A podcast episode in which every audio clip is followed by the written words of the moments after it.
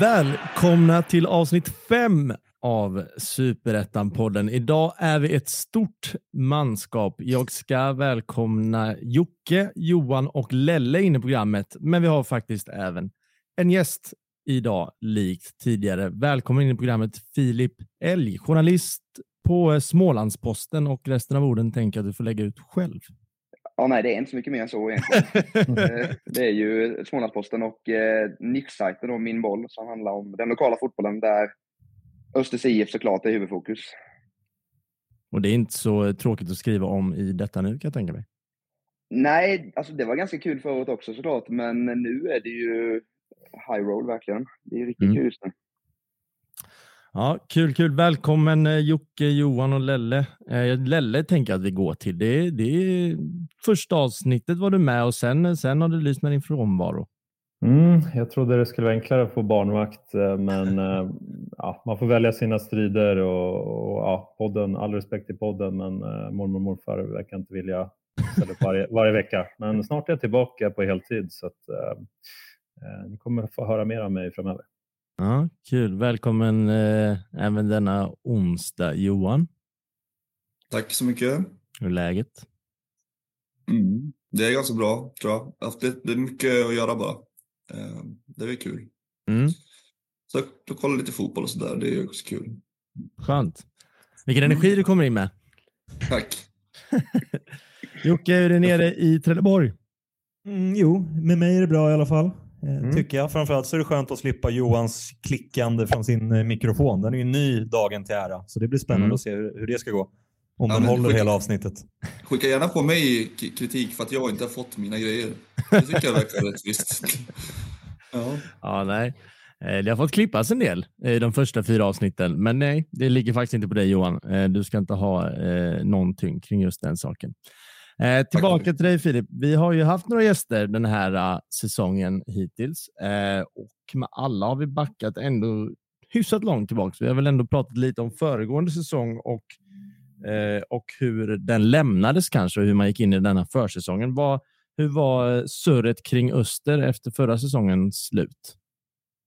Jag skulle säga att det var väldigt, väldigt optimistiskt och hoppfullt. Eh, alltså det ser lite tungt ut kanske att torska ett allsvenskt kval mot eh, Varberg för på mållinjen. Men där och då, jag var på plats på Påskbergsvallen och eh, det var ett jättestort bortafölje och direkt var det ju liksom pushande och framåtanda att eh, man ska tillbaka och, och allt det här. Och, eh, de flesta skrev väl också in på när säsongen började i fjol med ny tränare och en massa nya spelare och allting att det kommer få ta något år här och eh, man ska kanske inte upp enligt mallen efter första året. Så att eh, det är väl i år det gäller mycket mer. Mm. Eh, jag vet inte om jag går fel ordning i kronologin, men en fråga som jag känner när du säger sådär är att i år är väl verkligen året det gäller i min känsla. Det känns som att eh, med allt, eh, även på pappret och hur det ser ut, att eh, i år kan man nog ställa nästan krav, eller? Ja, jag tycker det. Eh, det tycker jag verkligen eh, kvaliteten finns där. Det är riktigt bra spelare som kommit in. Som kompletterar väldigt bra spelare från i fjol och man har inte tappat så många nyckelspelare utan det är mer ja, dödkött. Låter kalla det det om lite taskigt kanske men man har verkligen förstärkt och jag tycker att de har en av Superettans två, tre bästa trupper absolut. Mm. Men om vi går in på försäsongen då. Eh, snart kanske det är för, för sent att prata om den eftersom att vi kommer in längre in i säsongen hela tiden. Men hur, eh, hur såg den ut för, för Öster och hur, eh, hur var tongångarna inför denna säsongen då, efter försäsong?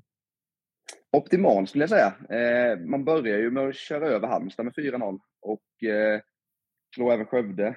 Tror det var, va? Ja. Eh, sen kom en liten dipp och det tycker jag föll sig ganska naturligt. Jag kände ingen stress eller oro på Östers vägnar för det. För att Östers tränare Tofa bygger sin mycket spel kring eh, alltså fysiskt mycket maxlöpningar och, och sånt. Och då fattar man ju själv att när man är i hårdträning så är det ett sånt lag som kommer få mycket smällar för det. Och då fick man ju sota och det blev väl, jag tror, jag tror, man, jag tror man vann någon av de sex sista matcherna.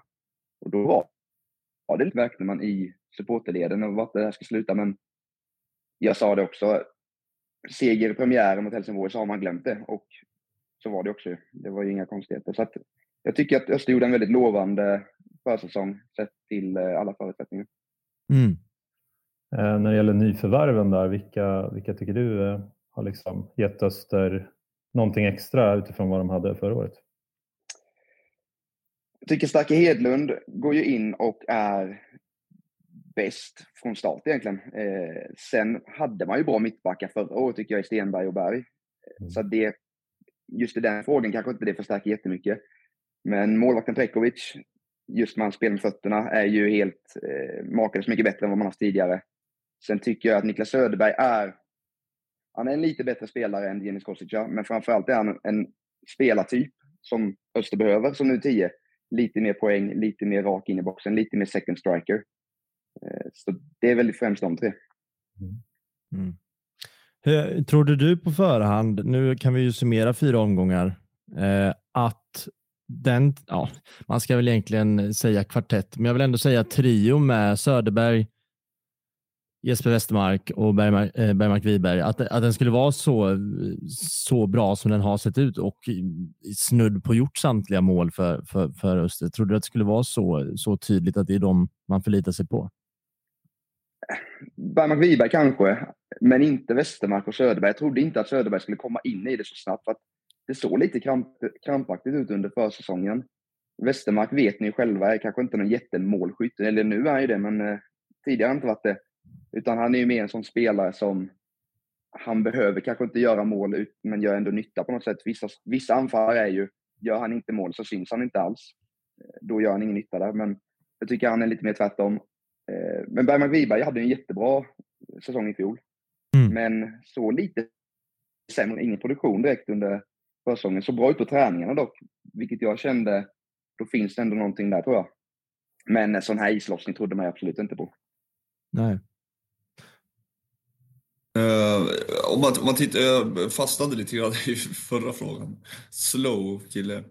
Men uh, om man tittar på att så här, att man inte skulle gå upp första året och så. Uh, hur länge sedan var det Öster var uppe? Det måste ha varit jättelänge sedan väl? Ja, var det 2013 senast? Ja, okej. Okay. De måste uh, vänta då ju.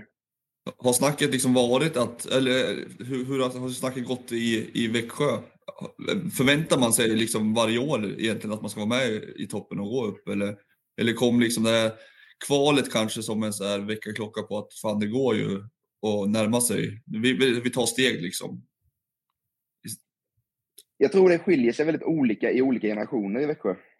Så som jag uppfattar när man har örat mot asfalten. Att de äldre generationen kanske är lite mer krävande. Att, men det är klart Öster ska vara allsvenskan. Jag menar man har ju guldåren där, 70-80-talet. Sen under 90-talet var man ett givet lag i allsvenskan. Men ser man till 2000-talet har man varit uppe tre gånger och bara vänt. Eh, så att den yngre generationen tror inte jag riktigt förväntar sig att Öster ska vara i allsvenskan. Det är ju självklart. För att Öster är för de flesta, ett, alltså i modern tid är det ju ett superettanlag. De leder väl superettans maratontabell också. Det är väl mer nu man fått lite blodad tand efter den här starten med ny tränare och, och Vito på plats som sportchef som funkat väldigt bra. Jens Magnusson eh, som klubbdirektör för sent. Backa bandet till 2019, då kvalar man sig kvar mot Landskrona.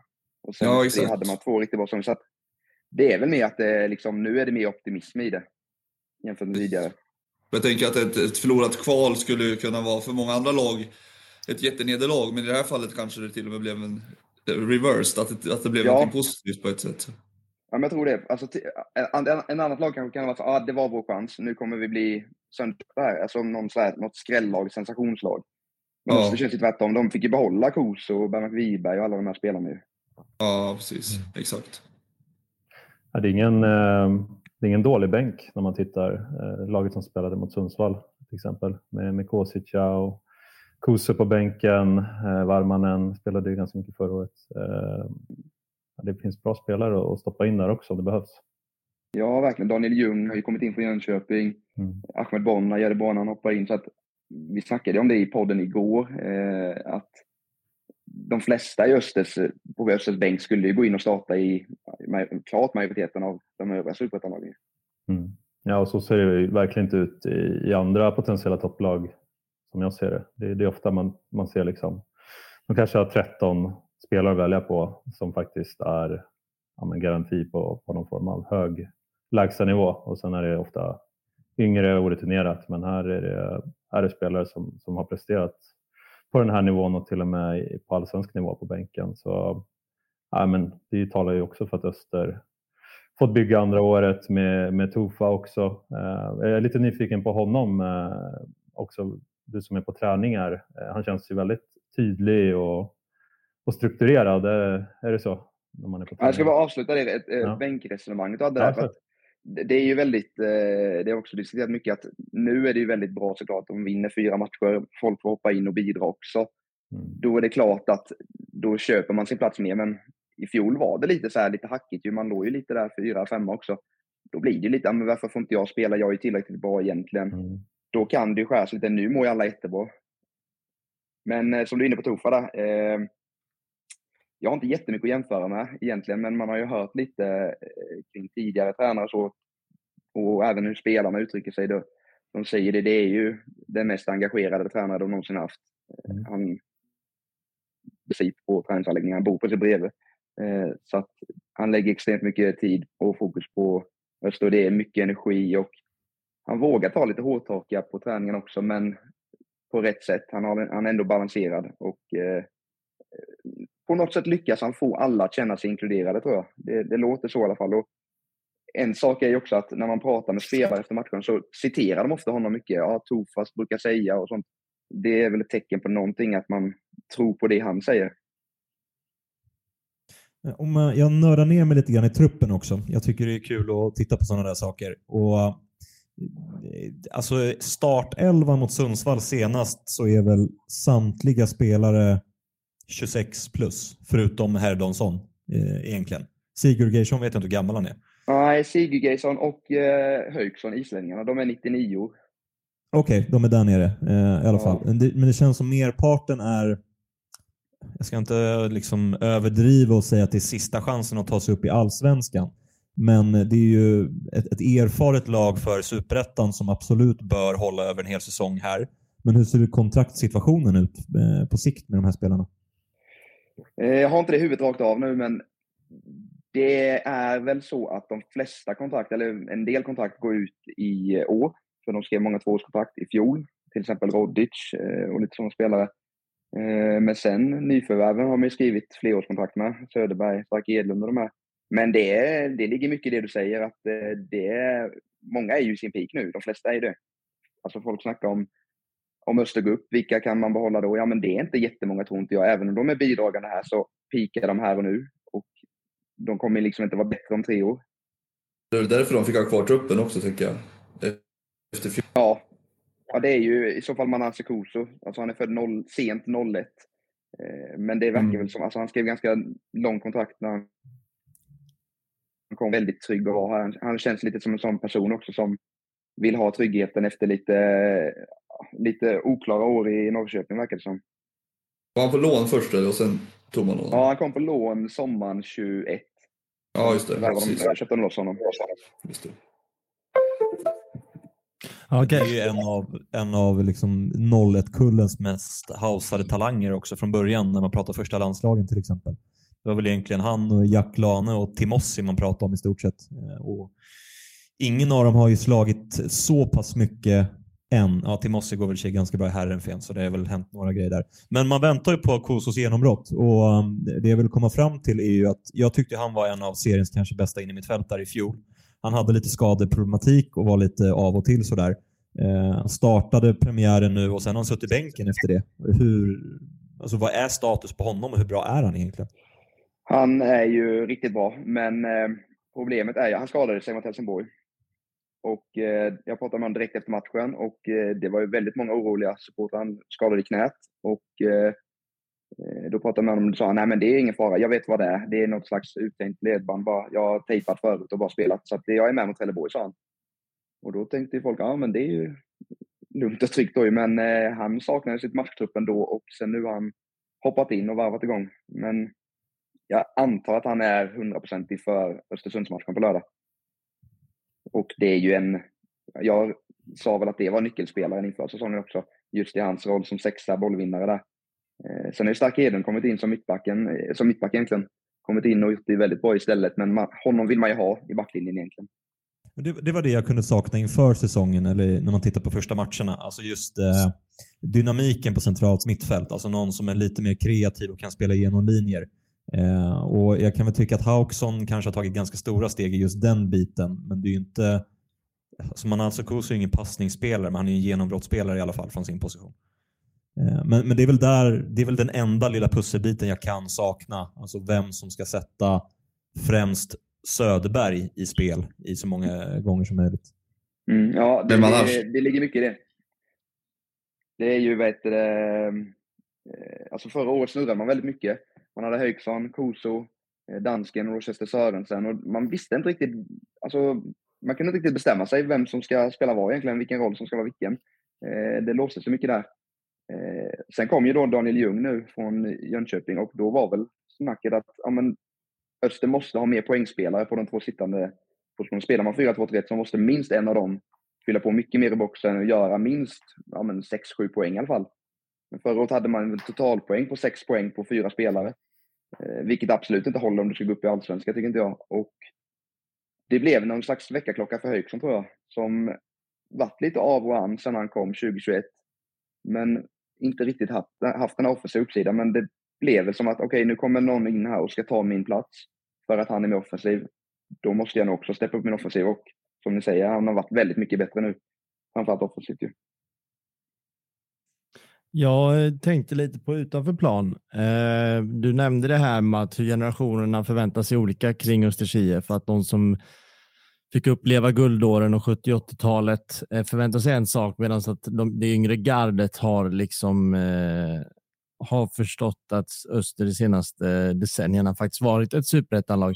Hur, hur, hur, hur fylls supporterskaran på? Märk, alltså, känner man att det, det kommer mycket nytt folk eh, till, till, matcherna och känner man att liksom kortsidan växer? Det gör ju mycket det runt om i Sverige nu och jag vet med guys till exempel har man hört mycket kring de som är aktiva och de som är i tifogruppen att mycket nya ansikten på kortsidan. Hur, hur ser det ut i Växjö? Det stämmer bra in i det du säger, att det börjar växa där också nu. Eh, det har varit mycket i stå där de senaste åren, skulle jag tänka mig. Men efter, ja men både att man, den här kvalmatchen mot Varberg hemma, då var det ju över 7000 på plats och kortsidan var ju ja, packad till bredden. Den var ju riktigt stor då ju och det gav någon slags mersmak till denna säsong, för det kommer mycket mer yngre nu och nu ska man kalla det, vågar folk ta sig till kortsidan med. Ibland kan man tycka att det är lite fult att eh, stå på kortsidan istället för att sätta sig på långsidan och vara lite bekväm. Eh, så det, den växer mer och mer där också och framförallt är det ju viktigt att yngre tar sig dit också. Och det är ett stort arbete de gör också, eh, klubben, att eh, spelare tar sig ut till skolorna, hälsar på och, och sånt. De har mycket, mycket sådana projekt vid sidan av, vilket gör att det hela tiden kommer yngre publik. Mm. Mm. Nej, för längden tror jag det är otroligt viktigt. Eh, Lelle, du ville säga något? Nej, men jag, jag är inte hockeyintresserad så, men eh, noterade att eh, Lakers eh, vann SHL eh, och att de eh, där känns extremt välskött. Och har det på något sätt, eh, olika sporter, men har den på något sätt eh, triggat Öster och, och skärpa till sig lite? Jag tänker, eh, ja, men Magnusson, där klubbchef, eh, verkar ju göra ett bra jobb. Alltid svårt att bedöma utifrån med vad man hör och, och, där han har varit innan. Och sen såg jag att eh, om det var SEF här som gav ut något pris till, till årets marknadsavdelning och sånt där, då var det Öster som vann där också. Eh, så de verkar göra något väldigt bra jobb i, i kulisserna i klubben också. Eh, ja, men finns, det, finns det någonting i, i det, liksom att, eh, att man rider lite på, på Lakers våg på något sätt också? Jag tror mer det handlar om att Jens har kommit in och stabiliserat det och gjort det så ofantligt bra sedan han kom från Norrköping. Eh, mer än vad det har med Lakers att göra. Sen blir det ju en hype kring hela arenastaden. Växjö Vipers hade en matchboll att ta sig till SM-final innebandy. Eh, och det var ju den här lördagen som folk snackade om. Det blir mycket Twitter-grejer om det kring eh, Lakers ju. Men där Öster spelade först och sen spelade Lakers och sen spelade Vipers. Så det, det för, alltså framgång i staden föder framgång också. Eh, att det blir en väldigt bra idrottsstad. Men jag tror mer att det handlar om, alltså först del att det har gått så bra det senaste året, handlar mer om Jens Magnusson än Lakers. Mm. Om, eh, eller någon annan som vill säga något innan jag går vidare lite? Ja, Lakers och Vipers. Ja, det är precis Jag reagerade absolut. Lakers, Vikers, Vipers och grejer. Vad finns det mer? Finns det ja, mer? Alfta Eels finns det här uppe. Jag tror de hade ett basketlag som hette Ravens för några år sedan också. Ja, det är klart de hade. Sånt de jobbar här. Den, den amerikanska ambassaden i Sverige, ja. den, den är, måste ligga i Växjö.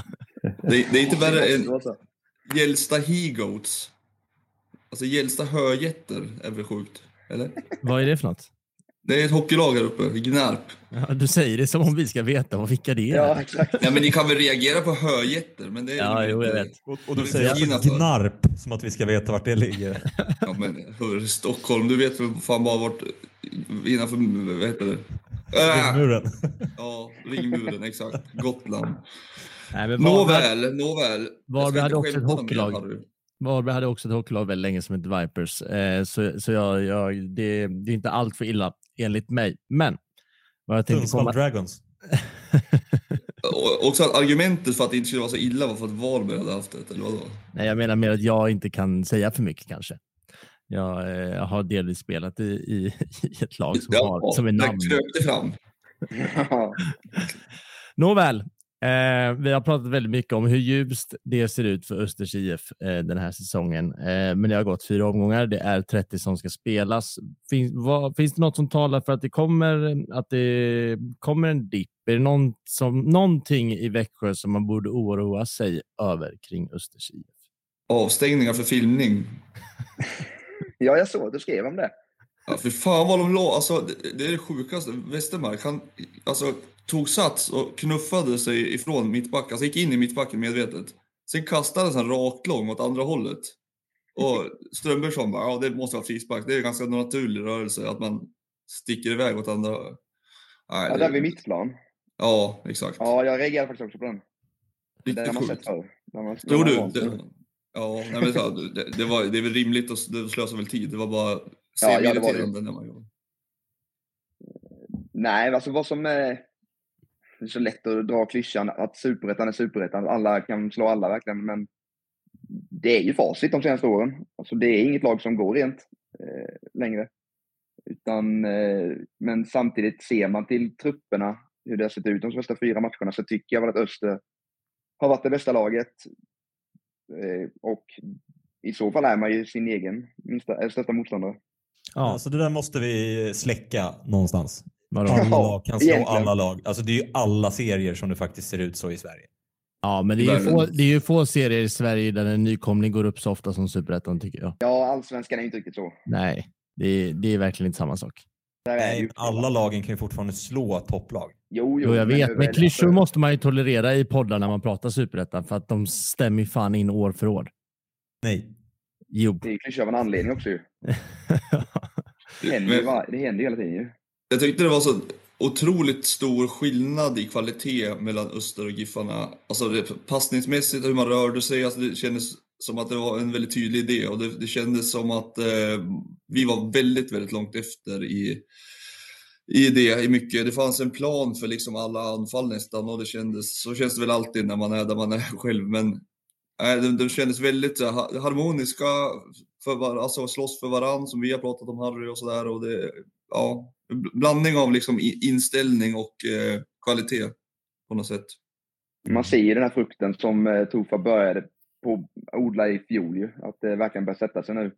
Alla kan sina roller och det är också en grej att Öster åkte på väldigt mycket skador. De åkte på två skador i första halvlek mot Helsingborg, tvingades till byten. De åkte på nya skador i första halvlek mot eh, Trelleborg. Eh, vad var det, efter tre matcher tror jag de hade tre olika mittbackspar och fyra olika centrala mittfältskonstellationer. Eh, och fy, alla fyra ytterbackar har spelat. Så, att, det, så det har varit en bra prövning tror jag för Öster, att de har liksom tvingats kasta runt laget, men mm. de har ändå löst det. Det har ändå sett likadant ut. De spelar mittback som en innermittfältare och en 19-årig Herdonsson har spelat högerback, han har spelat vänsterback, han har spelat central mittfältare och gjort det lika bra oavsett vad. Det är mm. ju så här. Och det är sånt man vill uppnå, ju, att man kan slänga in vem som helst egentligen så funkar det oavsett vad. Tycker de, eh, de matcher jag har sett eh, Giffarna nu senast också. Eh, men även om de har motgångar, de släpper in två mål mot, mot Sundsvall, tycker jag ändå inte att de på något sätt ser ut att tappa strukturen. Eller, ja, precis. Ja, men eh, precis mot Kiffen. Att de, de ändå fortsätter och, och, och tar vid liksom, och jobbar konsekvent med sin spelidé. Och, ja, de har liksom inte folk som hänger med huvudet utan de bara gnuggar vidare, fortsätter pressa, springa, löpa, eh, tacklas. Alltså de eh, är extremt eh, väloljat maskineri mm. på det sättet. Mm. Och det var ju det stora problemet i fjol ju, för att i fjol var det att de kom i dipper. Det var det enda folk snackade om egentligen. Mm. Och spelarna själva och tränaren själva. Ja, men vi, de kom i 20-25 minuters dippar mitt i en match och då tappade de poäng också. Alltså, mm. AFC hemma, då vinner man med 3-0 nu. Eh, men då snackar folk, ja men AFC var så dåliga. Ja, men förra året kanske det hade blivit 0-0 där. För att de inte får in bollen, eller att det blir 1-1 för att de själva gör mål, men sen kommer de i dipp och släpper in AFC. Men nu gör man inte riktigt det. På. Det är nog trist när man kommer trea och det enda folk pratar om är dipparna. ja, så jävla pessimistiskt. så skulle aldrig jag göra. Men om vi ska gå ner lite mer då. Vi, frågan, jag kommer inte ihåg om det var Lelle som ställde frågan tidigare med vad som, är, vad som talar emot eh, att de kanske tappar det här. Och det är väl i så fall lite det ni var inne på, att just försvarsspelet. Alltså de har ändå släppt in fyra mål på de fyra första matcherna. Och det är ju ändå lite för högt snitt sett till att man ska vinna en serie. För de har ju gjort för många mål för att hålla över en hel säsong. Mm. Det, det, alltså, det är en sån liten promille av farhågan. Eh, men det är väl ändå, är det någonting man pratar om? Eller göms ja, det, det. det, bara att man gör så mycket mål? Nej, men det nämns. Det gör det. Och eh, samtidigt är det ju lite förståeligt i och med att, som jag var inne på, att de har kastat, tvingats kasta runt rätt mycket i, i laget. John Stenberg kom in sent, eh, tillbaka nu på lån ju. Eh, har inte haft någon försäsong i laget. Man märker att han är inte riktigt sig själv som han var i fjol, än. Det blir bättre och bättre för varje match. Men får man sätta ett försvar riktigt här nu, en tydlig backlinje med ja, de man vill ha där, så eh, tror jag att man kommer släppa in färre mål. Mm. Lite en annan kuriosa. Johan, du måste titta på vem som håller upp handen och har frågan. Det måste du Oj, vilken jävla ton alltså. eh, nej, men lite kul, när man sitter och tittar tabellen så slår det mig nu precis att Öster och Helsingborg har släppt in lika många mål. Åh fan. Mm. Ja, det är så. Det säger en del. Jag vet inte vad du säger. Det är superettan. en annan farhåga är ju att Jesper Westermark kanske kommer på att han är Jesper Westermark och då är ni illa ute, så då blir det inga mål längre. Alltså målen han gör, det är inga drömmål direkt. Så. Nej du, nej du. Nej, nej. Men, men det, det vi har ju knappt pratat om matchen sist och vi börjar bli ganska långa så vi ska inte göra det för mycket. Men, men jag, jag har sett ganska mycket av Jesper Westermark och jag kan säga att jag såg att honom ganska mycket de inledande avsnitten i den här podden för att det, jag liksom har sagt att han rider på en våg som, som ja, snart mynnar ut i stranden och att det, det här kommer sluta, den här målproduktionen. Men eh, fan vad han, alltså jag tycker bara på hans andra mål mot Sundsvall här, hur han rör sig i straffområdet där och till slut kommer åt den bollen. Det är liksom mm. så mycket killer i det där som så många anfallare saknar trots väldigt mycket större kvalitet och talang.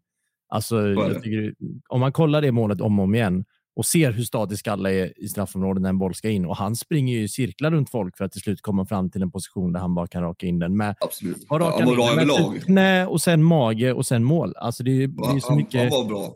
Ja, men det är så mycket liksom, dålig bra anfallare över det där som, som ja, man kan bli glad över. Ja, men han sa en intressant, jag pratade med honom efteråt och då sa han det att jag frågade är det något annorlunda du gör i år? I och med att i fjol gjorde han nio mål på 30 matcher, nu har han gjort fem på fyra. Och du sa ju det, i år fyller vi på mycket mer med fler spelare i boxen och det gör ju att jag får inte samma bevakning som man fick. Han gör ju mycket mål på instick och inspel ju. Mm. Eh, som Öster, Öster kommer ju runt mycket på kanterna på snittbackar och yttermittfältare.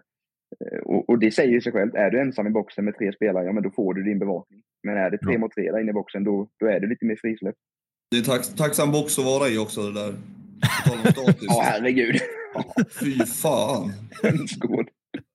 Det är men, men... overkligt. Alltså, det är, måste vara 3-1 målet. De slår den rakt in i straffområdet. Det står en skockjätter och bara... Ja, det är overkligt alltså. He-goats. Ja, verkligen. Höjätterna i straffområdet. Det är avsnittsnamn. Men alltså, jag, jag, är inte förvånad. Jag, Johan, du har ju en kollega i den här Superettan-podden som hyllade Westermark tidigare. Oh. Eh, och alltså, och det är ju någonstans det... Det är inte det enda han har hyllat berätta. Alltså, inte, alla flyger inte. Nej, men, eh, men fortfarande liksom med åldern. Eh, han har gjort 10 plus mål i division 1 tre år tidigare till exempel. Att komma när man närmar sig, hur gammal är han? 30, 32? Typ? 30. Ja, precis. Och, och ha den, den off, de offensiva spelarna runt omkring sig där han egentligen bara behöver fokusera på att skarva bollar, få fast boll och ta sig till rätt yta. Alltså det är ganska simpla uppgifter när man är så pass erfaren. Så det är klart att han petar in bollar här och där på ren erfarenhet. Och, och det jag ville få fast är ju, och det, och det jag ville säga är någonstans att eh, han är ju alltså urtypen av en forward som Öster behöver. Alltså en 30-åring som är gedigen och är grym på att utföra sina uppgifter. Precis. Alltså, det som är grejen är att Öster gjorde ju, han gjorde nio mål i fjol. Och med det facit vinner du inte, alltså då går du inte upp i Allsvenskan om du har en anfallare som bara gör nio mål. Men uppenbarligen ser ju Öster någonting rätt i honom. Eh, Tränaren Tofa tror ju extremt mycket på honom. Han letade inte någon ersättare, utan det kunde man säkert fått in någon som gjort fler mål. Än honom, fler än tio mål. Men eh, det som du är inne på, det är den spelartypen man vill ha i boxen när man har Söderberg, Bergmark Wiberg, Rodic och sen de här ytterbackarna i eh, mm. Ja, om, eh, om det blir som vi väldigt många tror, att de går upp i allsvenskan, då hoppas jag, eller då, då vill jag bara varna för att jag hoppas inte ni tror han håller där också, för att där, där måste det fan ta stopp. Ja, men jag, jag tänkte säga det går fort i hockey. Alltså. Det, Jesper Westermark sitter och, och hyllas. Det är precis den spelare man vill ha hela världen. ja, men, ja, men, lite, alltså, för att jag tycker ändå det, det, finns faktiskt inga argument för att det ska gå som det har gjort för honom de här första matcherna tycker jag. Nej, alltså, exakt. Han har ju så aldrig, det... det är ju division 1 han har gjort 18 mål och det värvas ju spelare som gjort 30 mål i division 1 varje säsong i Superettan som inte slår. Eh, det, det är inte vi som är dumma, det är Jocke som är dum som hyllar honom inför säsongen. Ja, men nu när han får rätt så kan vi såklart inte säga något annat än, än, än att, ja, att Jocke obviously hade någonting. Ja, om, Öster, om, Öster ska upp i allsvenskan med det här laget så kommer de ju med all sannolikhet inte tillhöra toppskikte. Och då kommer ju Westermark inte göra mer än fem mål. Så jag, alltså jag, utan det är ju för den här nivån i det laget han är jag pratar om. Mm. Inte jo, att han kommer göra 10 plus mål i allsvenskan i ett Öster. Det är inte nej, det men det finns ju inget som, som ligger till grund för att han skulle göra 25 mål i år heller. Jo, jo men det är ju precis det jag menar. Alltså spelarna runt omkring. Mm. Jag tror vi får släppa det. vi lär återkomma. Jag vill höra Lelles visdomsord. Facit Jocke. Du, du har förstått det på fotboll. Jaha, han, han behöver bara göra det han är bra på. Han behöver inte möta så mycket felvänd och vara utanför boxen. Utan han kan bara cirkla omkring där och komma i, i maxlöp och peta in bollar bakom Molin som, som har tvål i vantarna. Så, nej, men, eh, Konspiration det här. Jag vet, alltså, hade jag vetat att det fanns hållhakar på alla andra i den här podden innan så hade jag inte gått med. Okej, vi ska försöka summera det här Filip, men känslan är att, eh, som du nämnde, att Öster kanske är sin egna största fiende den här säsongen och ska det gå åt fel håll så krävs det att ett annat lag gör det otroligt bra. Har jag, har jag summerat det någonstans där då? Ja, alltså det är två lag som behöver göra det otroligt bra då ju. Mm. Så att, och, och sen, det är inte lätt att hitta heller. Nej, men alltså det är lite så här också. Det som kan tala för Öster när vi snackar om att superettan är så jämn är att alla slår alla, men Öster fortsätter vinna. Då krävs det inte så mycket poäng för att bli topp två. Nej. Som det hade gjort om tre lag hade, om, om tre lag hade stått på full pott eller stuckit ifrån nu, då hade det varit mer oroande såklart vilket lag hamnar på kvalplats. Men om det är fem, sex, sju utmanare, då är det ju, talar allt mer för Öster. Så är det absolut. Jocke, höll du upp din hand eller var det något annat? Nej, det var min kollega utanför spegeldörren som försökte göra en massa roliga grimaser. Mm. Han har försökt få mig att säga en massa citat också, så jag har några uppskrivna här, så vi får se om något dyker upp. Vad gjorde okay. du för gest då, då åt honom? Hang loose. Ja, det, det, det, var första och sista gången i den här podden. Filip, jag var illa. Jag var mycket illa. Eh, Filip, tack så jättemycket för att vi, vi fick slå dig en pling. Tack själva. Mm. Eh, får du ha en fortsatt väldigt eh, fin arbetsdag. Ja, men ni med. Sköt om er. Ja, det där var ju väldigt trevligt. Det känns som att eh, det känns alltid säkrast att gå till dig Jocke när man, när man har pratat med någon. Eh, hur tyckte du den här halvtimman var med Filip? Varför säkrast att gå till mig? Jag vet inte. Du, du, du, bara, du, har, du, har, du, har en säker, du har en säker och stabil, stabil mun. Mm, bra på att killgissa kanske. Facit.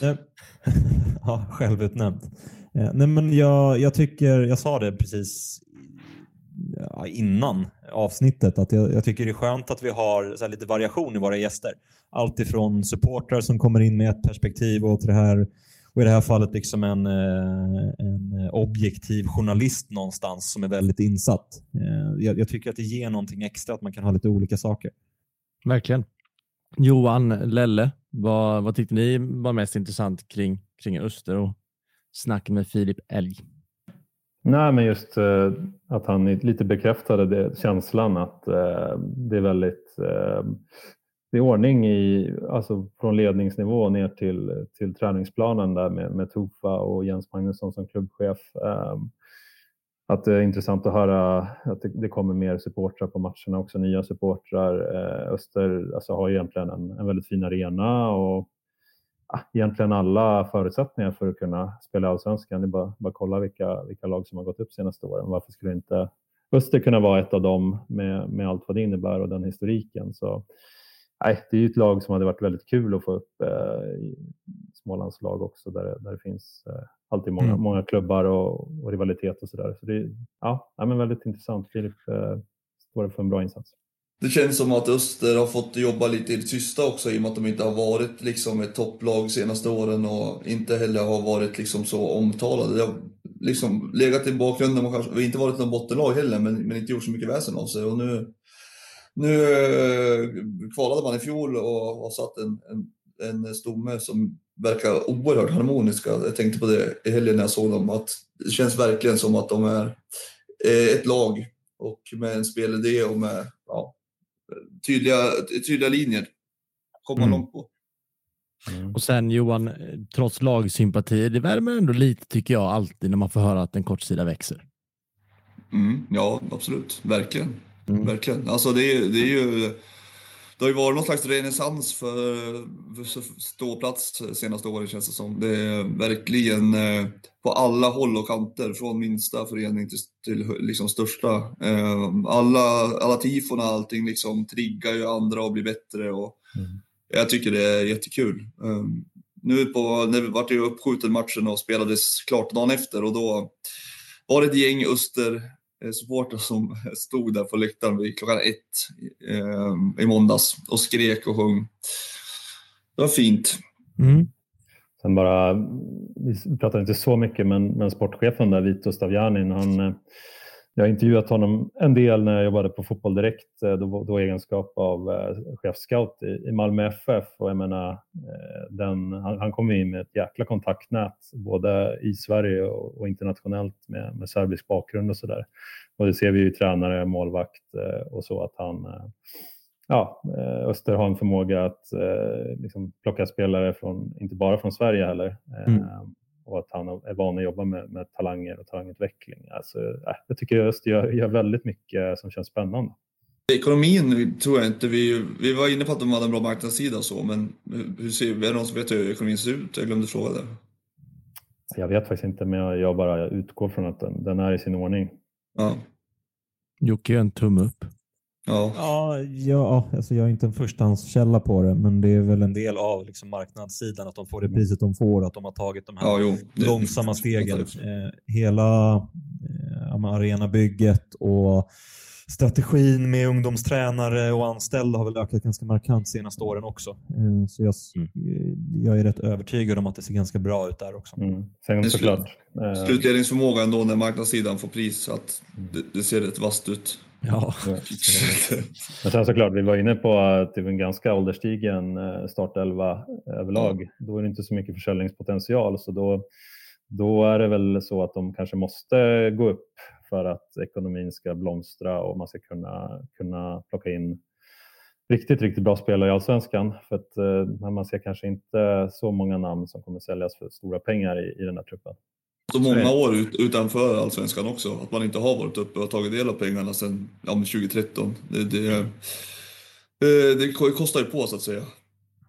Nej, men om de tar klivet allt från eh, tv-intäkter och allt vad det innebär. Men det är väl egentligen Herdonsson 04 som skulle kunna säljas med en liten bra försäljnings, vidareförsäljningsklausul kanske. Och även Manasa Kuso skulle kunna generera lite grann om man ska prata mm. intäkter på spelare. Mm. Ja, någonstans känns det ganska ovanligt att en superettans klubbs marknadsavdelning får pris och så bra mår väl eh, Öster antar jag. Eh, det bara känns som att det summerar lite en del. Vi ska gå vidare. Eh, det har spelats många matcher som vanligt. Vi diskuterade precis vilken ordning vi ska ta det, men jag väljer att vraka det här och känner att AFC spelade mot Trelleborg och vann till slut faktiskt 1-0 hemma. En match du såg Johan? Mm. Ja, eh, det var rättvist ska sägas, tycker jag. Jag tycker att AFC var klasser bättre än vad Trelleborg var. Eh, jag tror jag varit inne på det tidigare lite grann, att jag tycker AFC är inte så, alltså det finns något som är lite småkittlande med det där. Alltså havs, havsbygget på något sätt. Um, jag tror de hade 13-3 avslut eller så. Mm. Trelleborg slog långt på Filip Boman, han sa väl det i i halvtid, eller efter matchen att så här, eh, ja, men att de är slut för att han får springa så mycket för att det är för mycket bollar som, som bara slås lite på vinst och förlust och att han, att han inte utnyttjas på bästa sätt så. Eh, samtidigt som jag tycker att AFC ändå försöker trilla lite boll och eh, hota lite med en del eh, skickliga spelare. Eh, så sen var det lite slaggis på slutet, det tyckte jag var lite kul. Mm, det, det var det. Det känns också som att det känns som att det är liksom jag ska inte säga att det värm, alltså att det känns som att, ja, jag vet inte hur jag ska formulera det, men att Henry Offia missade det där läget efter typ två minuter. Känns som att du, någon, du knöt näven och kände jag har rätt där. Vad var det jag sa? Den räknar man hem. Verkligen en vad var det jag sa-känsla. Uppe i ja, nej, men alltså, Trelleborg, jag tyckte Trelleborg såg eh, riktigt, riktigt svaga ut faktiskt. Mm. Vi, pratade väl om att de släppte in fem mål de sistens. Nu var de mot Öster och det behöver inte säga allt för mycket, men jag tycker att de har problem över hela banan egentligen. Ja. Eh, Jocke? Mm, men vi, vi har pratat en del om AFC tidigare, eller inte pratat om AFC snarare. Eh, så Johan, du får tre spelare här som du får kommentera lite grann, som vi varit inne på tidigare. Och det, är, det är seriösa frågor, så du behöver inte bara skämta bort det. Men, eh, Nej, men jag, jag men, eh, det, det är två, Nick Wolters och Mattis Adolfsson har vi pratat om och du har sågat lite grann, så de får gärna kommentera. Men sen även också Palomino, hur bra är han?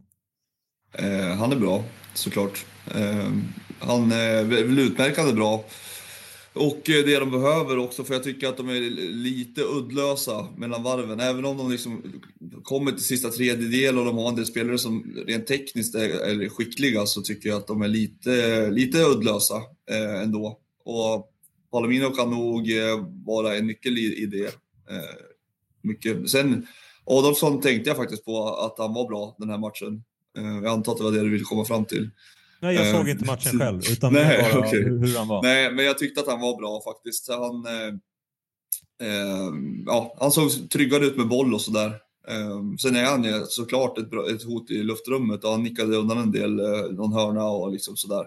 Men jag tycker inte de satsar på så mycket, alltså de sätter inte på så mycket eh, prov heller egentligen. Eh, Nick Wolters tycker jag är en ganska anskrämlig målvakt. Eh, den här matchen samma där, han behöver inte göra så mycket. Mot oss så stod han liksom Han satt ju på bänken. Så det... Jaha, ja, ja, det såg jag inte ens. Eh, vem är det som stod då? Valfrid Nilsson, typ. Mm. Någonting sånt. Ja, eh, spelade i Prespa ja, Birlik, division 3 förra året. Ja, jag tänkte inte på honom eh, överhuvudtaget. Som sagt, det säger väl en del om Trelleborg då i sådana fall. Men där fick du väl dit med då, ditt lilla as. på, på Mattis? Ja, nej, på, på Wolters. ja, Adolfsson, Adolfsson spelade i alla fall, det kan jag ju bekräfta. Det ska du veta Johan, att eh, Jocke är otroligt duktig på att återkomma till punkter och saker där, där det har diskuterats. Eh, där, han, eh, där han har rätt helt enkelt. Så det, är bara så, oh, oh det är bara det vi får genomlida. Nu, nu, var jag, nu var jag genuint intresserad av så här, Palomino och hur bra han är. För jag har ju hört att han ska vara bra, men jag har inte sett han själv. Jo, alltså, han, han, alltså, han, är inte, han är ju bra, absolut. Så, sen så behöver han väl tid att komma in, inte vet jag, komma in i det och så, men Eh, han, han, är, han är bra, helt klart. Sen så vet jag inte hur bra han är. Det är svårt att säga så här, kort in på som. Så, mm. så säga, säga vad man vill om AFC, men det är, år efter år så är det ju, dyker det upp spelare som man tycker eh, som man ja, aldrig, aldrig hört talas om och sen bara, alltså, en intressant spelare. Och, och som mm. de ofta får ja, iväg till, till högre nivå också. Jamon var bra också tyckte jag. Mm. Sen är det ju ett äh, jävla ja, dåligt fotbollsmål de släpper in Trelleborg där med Bödvarssons äh, hjärnsläppa. Äh, drar väl en boll rakt in i, i gapet på, och så blir det straff. Och, ja, det är, ja, shamble. Men alltså de är, jag vet inte, jag tycker, Trelleborg snackades väl om att de eh, hade för avsikt att, att slåss i toppen liksom. Jag tycker de är långt ifrån eh, att vara ens nära det. Mm. Ja, men, men du, du, kom in på situationen där Lelle och jag mm. tänker mm. att jag, eller jag tänker att jag ska vara den som är den och hylla ännu mer klyschor, men hylla den som hyllas bör. Eh, för jag tycker att det blev ganska mycket uppståndelse kring straffen som gavs och straffen som inte gavs till Trelleborg. Eh, men jag tycker domare Aganovic är helt rätt i båda situationerna. Eh, och du som såg matchen får gärna säga vad du tycker Johan, men eh, jag tycker verkligen att eh, AFC straff är solklar. Och, det tycker jag också. Och Boman ska inte ha straff när han åker i backen och, eh, och springer efter domaren och skriker. Om du kommer ihåg den det tycker, jag, det tycker jag Boman ska ha. Jag tycker att han kopplar ett, ett grepp om honom, alltså ett ganska tydligt grepp. Och, och ja, nej, jag, jag, tycker jag håller inte med. Nej, jag, jag tycker, nej, verkligen, det, det, aha, nej, jag tycker verkligen att det är liksom eh, gruff som, som eh, hör till eh, mittbacken ja, när han faller när man stångas i straffområdet ska säga att jag inte nagelfarit den situationen mer än att Nej. jag sett någon repris. Så, eh, jag vet inte riktigt eh, hur eh, det ser ut innan och sådär. Det kanske är så som du säger. Men mm. det jag såg på reprisen, om man tar ur, ur sitt, sin kontext och bara tar själva den situationen så tycker jag att, eh, att han håller ett för stort grepp och ett för tydligt grepp för att det inte ska vara straff. Mm. Hur var Robin Sundgren. Det är ju en, eh, Daniel Sundgrens bror och de är ju oerhört lika i spelstil också. Eh, ja, eh, det är ingen som jag la märke till ska sägas. Nej, nej, man blir inte förvånad om han går i, i bror, brorsans fotspår där och, och blommar sent. Och, eh, nej, tog ju Degerfors eh, långa vägen och, och sen till AIK och sådär. Men eh, Robin har ju exakt samma mentalitet som, som brorsan. Eh, bara krigar och, och spelar stenhårt. Så han kommer nog vinna i längden tror jag också. Fin FM-spelare också. Eh, apropå bröder, du var inne på Erik Westermark, eh, Jocke, när vi pratade med Filip. Eh, jag tänkte ta mig till, till Gävle Utsikten och det är ett eh, fint mål han får in där. Eh, och så tänker jag att jag lägger över bollen till dig. Mm, jag tror vi pratade om det innan han kom in faktiskt. Okej, okej, okej. Men det är bra att du tydliggör. Mm, nej men, eh, han, ja, Westermarkbröderna går ju bra. De har väl sju mål tillsammans nu på de fyra första matcherna. Han har väl gjort två va? Eh, har jag för mig. Så är det. Eh, och Alltså det är en ganska så här jävla utsikten. Det är ju inte den matchen man kanske är mest spänd på att se inför en omgång. Eh, men jag tycker att båda lagen ändå är bättre än vad jag trodde de skulle vara inför säsongen. Ja, jag också. Eh, Gävle startade ju bra och tog en trea i premiären borta nere i Skåne där.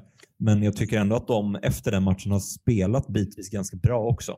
Eh, och Det finns lite så sparkapital om man pratar om eh, York Rafael som jag, nu var inte han med senast, men jag tycker han spelas på lite, används på lite fel sätt mot hur bra jag tycker att han var förra året till exempel. Eh, nu blev ju hans lillebrorsa inbytt senast i alla fall. Och, eh, och sen någonstans så utsikten, Hadaya har kommit in jättebra och upplever att han med lite pondus och stabiliserat det där försvarsspelet ganska kraftigt. Eh, och sen eh, erfarenheten som de har också. Och Karl Boom är ju bra. Mm. Gävle känns alltså, jag tycker Gävle känns som att de har en så pass bra och solid spelidé att de kan klara sig från att åka ut trots att de har ett väldigt så eh, begränsat material att jobba med.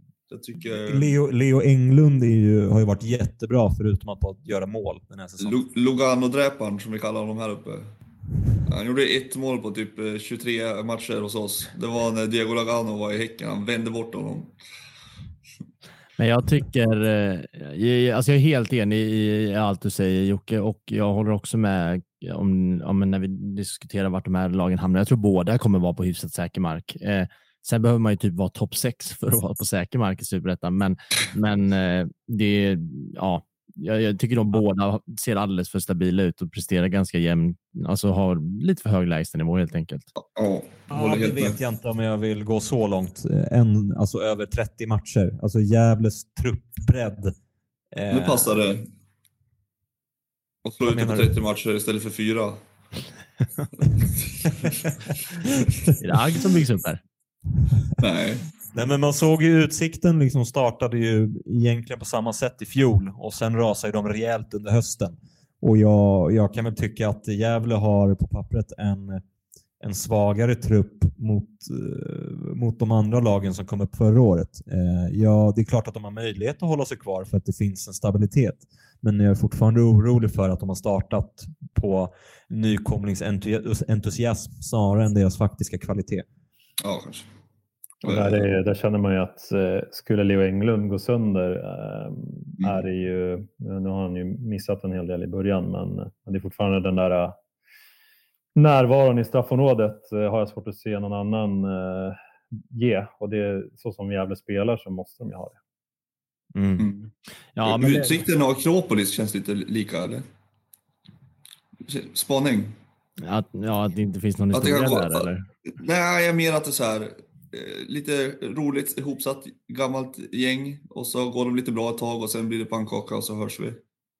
Ja, så kommer det säkert sluta för Utsikten, men när jag står fast vid att jag tycker att Gävle och Utsikten ser lite för bra ut för att åka ner. Och sen, ja, men jag håller med. Jag, håller jag menar inte att de ska komma högt upp eh, och, och, man ska sluta tippa den här serien, det går inte. Men... Jag, jag menar inte att de ska åka ur i år heller, men att Nej. det var, ja, det var ett sidospår. Vi släpper det.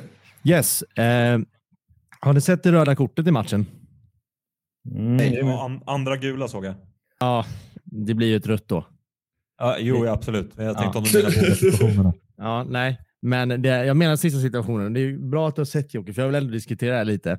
För att ett, så alltså Willem Nilsson som drar på sig det här röda kortet, han låter ju verkligen sig själv provoceras i den här situationen och reagerar minimalt. Alltså det är så harmlös knuff så att det finns inte och det ska inte vara någonting där enligt mig. Och sen har vi en jävla spelare som är otroligt smart och snappar upp detta och filmar åt det grövsta. Och så blir det rött kort. Eh, om jag bara stannar där, vad, vad, vad, tänk, vad kände du när du såg situationen? För det är verkligen så jag, jag summerar den. Eh, nej men det, det, är väl också det eh, först som är liksom charmen när det kommer till eh, bedömningar från domare. Alltså kroppsspråk, reaktioner och sådana där saker också. Eh, där det är så, det är så puckat att reagera som han gör. Eh, det, för det är ändå en ganska eh, vad ska man säga, en hetsig eller en snabb motrörelse mot Gävlespelaren. Och domaren står väl och ser det här i, eh, i periferin. Liksom. Mm. Jag tycker han, har, han har väl en väldigt, han står ganska nära domaren. Han har ju ja, ja, han står nära, men jag vet ja. inte om han har huvudet ditåt. Ja, det är möjligt. Jag kommer ihåg. Ja, det... Och det, alltså, om, jag tycker att det är, jag ska inte säga att det är sekundärt om det är gult kort eller inte, men det är jävligt onödigt att bjuda på en sån reaktion. Mm. Mm. Nej, men det är väl det, det, dit jag vill komma, för, för jag tycker absolut inte det är gult kort och det, det vill jag säga. För, men men han blir ju, alltså, för er som inte har sett situationen så är det liksom en situation i straffområdet där båda personerna faller, varav Gävlespelaren ställer sig upp tidigare, så han står på något sätt över Wilhelm Nilsson som reser sig sen i frustration så att när hans kropp helt enkelt ställer sig upp så nuddar den väl Gävlespelaren och han tar sig för ansiktet och slänger sig som om han vore ja, Cristiano Ronaldo. Och det är väl en armreaktion också? Är det inte någon sån här armbåge-händer-reaktion? Ja, fast det, det, är ingen det, det, alltså, det, är inte en, det är inte en hård träff, men det är väl ändå en armrörelse mot honom. Men alltså om domaren ser det så ska det väl vara rött snarare än gult, eller? Om, om domaren tror att han träffar honom med armbågen i ansiktet. Mm. Jag vet inte, det är dumt att spekulera om en situation som inte alla har sett. Men, men, men, men vad jag vill komma fram till är att det, det är otroligt rutinerat av Gävles spelare, mm, att jag inte har namnet är dåligt av mig, men, men som drar till med en sån filmning. Sen så ska man väl aldrig hylla en filmning, men och så är det väldigt svagt att provoceras av situationen som, som dyker upp och tar på sig ett andra gula. Och det blir ju blir matchavgörande får man ändå säga som man torskar med ett mål. Eh, utsikten som lag eh, när jag såg den här matchen eh, liknar väldigt mycket det lag som mötte Gais tycker jag. Alltså mycket skott utifrån. Eh, alltså, nästan som att det liksom är direktiv att skjut så fort ni liksom har kroppen rättvänd mot mål och har närmat, eller kommit närmare än 35 meter. För det skjuts och det skjuts. Men... Uppfriskande. Vad sa du? Uppfriskande. Ja, både och. För att det känns lite som att eh, ja, många gånger så trär man in bollen och gör allting för svårt för sig. Men jag tror Utsikten behöver komma lite närmare mål. De har ett väldigt bra possessionspel tycker jag, men det är ju, men det är liksom på den säkra sidan och på rätt sida plan eller på fel sida plan. De, de håller den här bollen kanske och när de kommer till lägena så tycker jag att det kanske är lite för få människor där fram, lite för få i boxen. Eh, ja, till skillnad från till exempel Öster. Eh, och och ja, det, Edin Hamidovic har ju varit en spelare som har gjort väldigt mycket mål, men han har inte kommit till sin rätt eh, i Utsikten eh, än. Det, det, jag tycker liksom bara, att det är väldigt ofta, eller väldigt, väldigt många matcher man ser eh, att det är väldigt lite skott. Alltså det skjuts väldigt lite generellt. Jag tycker mm. att det, det är possession, vi har liksom fallit in i någon slags possession-lunk som är, tar aldrig slut. Det skjuts, jag tycker det skjuts alldeles för lite. Mm. Nej, men, men, men där är jag nog med dig. Det finns ju få saker man blir så frustrerad om som supporter när inte sitt lag skjuter. Eh, så mm. är det. Det var, 14-3 i, i avslut faktiskt till, till mm. Utsikten och då hade de eh, en man mindre sen 53. Kan du se hur många det är på mål? Eh, Gävle var effektiva där i alla fall med att träffa mål. 3 av 3, eh, 14-6 på Utsikten. Och 6 mm. mål.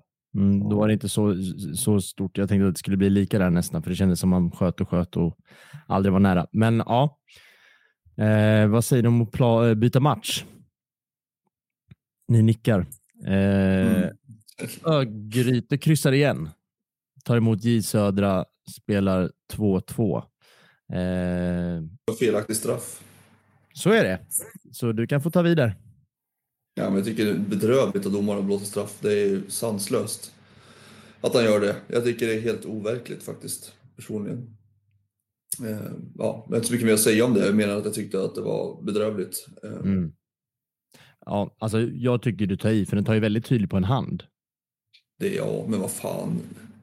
Ja, eh, jag tycker också den är väldigt fel eftersom att regelboken säger att den är fel. Men ja, jag, jag vill bara inte, jag, så hårt vill jag inte gå åt det. Men eh, nej, jag, jag är helt jag tycker alltså, ja, jag vet inte. Jag tycker att man letar någonting där som inte mm. finns i en situation som är helt ofarlig. Det är inte, det är liksom, den är helt borta från någon slags målchanssituation. Och, Nej, jag vet inte. Jag, ty jag tycker att den var riktigt dålig. Mm. Men eh, matchen då? Eh, Pashang Abdullah gör två för J Södra. Missar också en otrolig chans efter 30 minuter, så han får verkligen revanschera sig i den här matchen. Eh, annars har jag återigen, återigen tycker jag att Örgrytes försvarsspel är, är häpnadsväckande i perioder. Vi pratade om det för några helger sedan också. Det är något av målen han gör, eh, Abdullah, bedrövligt försvarsspel alltså. Mm. Det känns inte alls som att de har hittat någon struktur i det eh, i Örgryte. Ja, de blir väldigt alltså, bolltittande och, mm. och, inte särskilt aggressiva heller. Tappar Nej. bort Pashang helt. Mm. Men just Pashang, alltså han är ju så den bästa spelaren som inte ser så bra ut. För man, man fattar sig inte riktigt på honom, men när, när han startar framförallt så gör han ju alltid mål. Mm. Och Lelle, du som har jobbat med honom, kan inte du försöka beskriva honom lite grann och vad, vad det är för person egentligen? Mm. Alltså det är ju en ehm, ehm, såklart lite, lite opartisk här eftersom att jag, eh, eller partisk för att jag har haft honom i, i Karlberg då där han, vill jag minnas, gjorde 26 mål på 24 Ja, visst var det det? Han alltså, öste in någon säsong. Precis, och, och det är en ålder av ja, runt 25 där, där liksom tåget egentligen kanske hade gått men uh, han passade in alldeles perfekt och då hade vi ju Kalle Karlsson, uh, känd från VSK, som, som tränare också.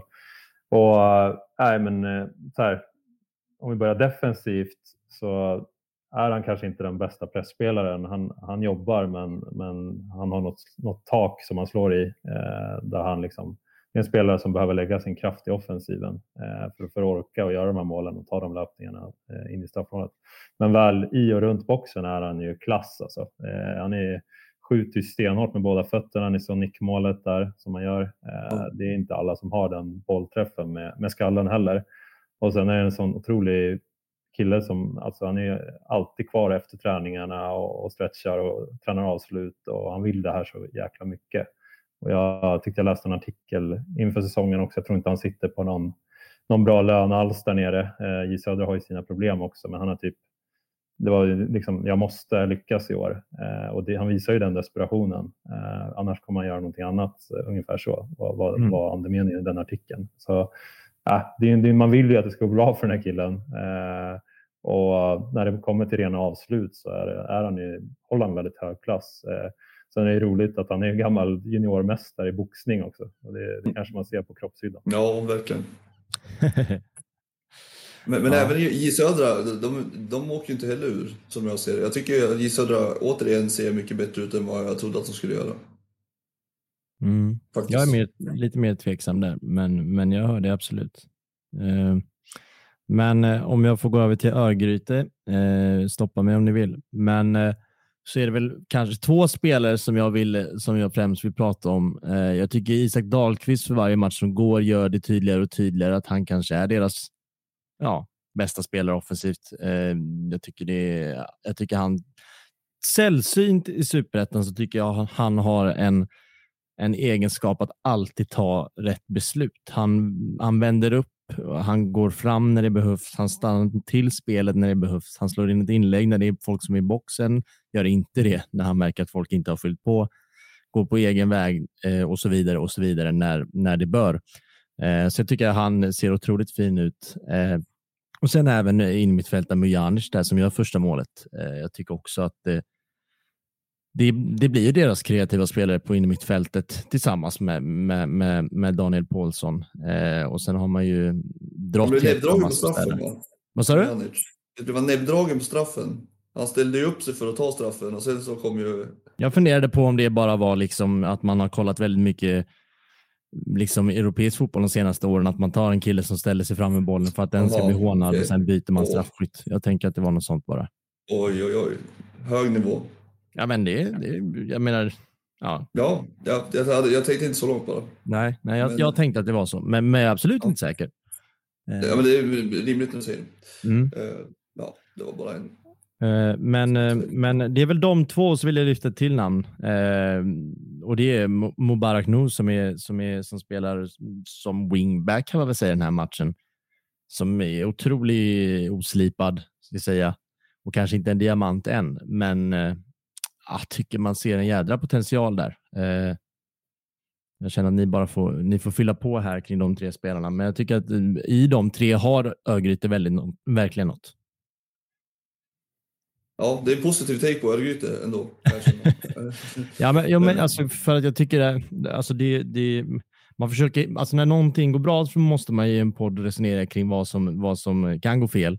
Och jag tycker i Örgrytes fall, när det har sett ut som det har gjort, så, så tycker jag ändå det är ens jobb att försöka hitta vad, vad som kan få det att vända och då tycker jag ändå det är de tre spelarna. Ja, kanske. Men jag känner, men jag känner lite, Örgryte var ändå tippade fyra.